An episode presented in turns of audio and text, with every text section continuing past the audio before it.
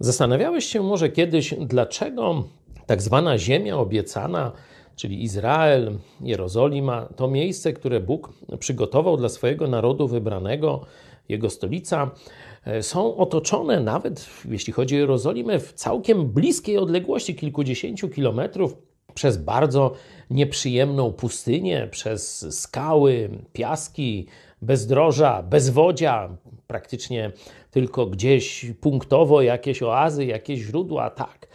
Bezkres skał, jakichś piaszczystych wzgórz, nieużytków kamienistych i do tego lejący się z nieba żar 40-stopniowy? Dlaczego w takim kontraście znajduje się ziemia obiecana?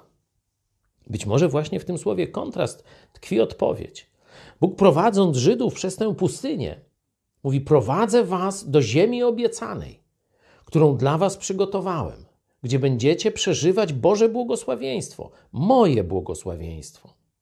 I przechodzą, idą od południowego wschodu mniej więcej, dochodzą, przechodzą przez Jordan i wchodzą do tej ziemi obiecanej, która różni się od pustyni. Jeśli pójdą dalej na północ, no to już piękne, piękne tereny, roślinność, potoki, rzeki, jezioro i tak dalej, i tak dalej.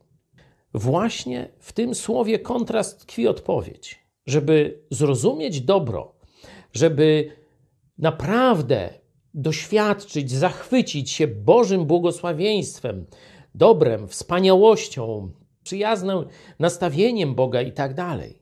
Musimy od czasu do czasu poznać pustynię. Musimy od czasu do czasu doświadczyć także zła, także cierpienia, żebyśmy, kiedy wchodzimy do tej, tego obszaru Bożej woli, do tego, co jest dobre, co jest Bożym błogosławieństwem, żebyśmy mieli porównanie, po to, byśmy mogli być stale wdzięczni. Boże, dziękuję Ci za to dobro, którym mnie otaczasz. Po to jest pustynia.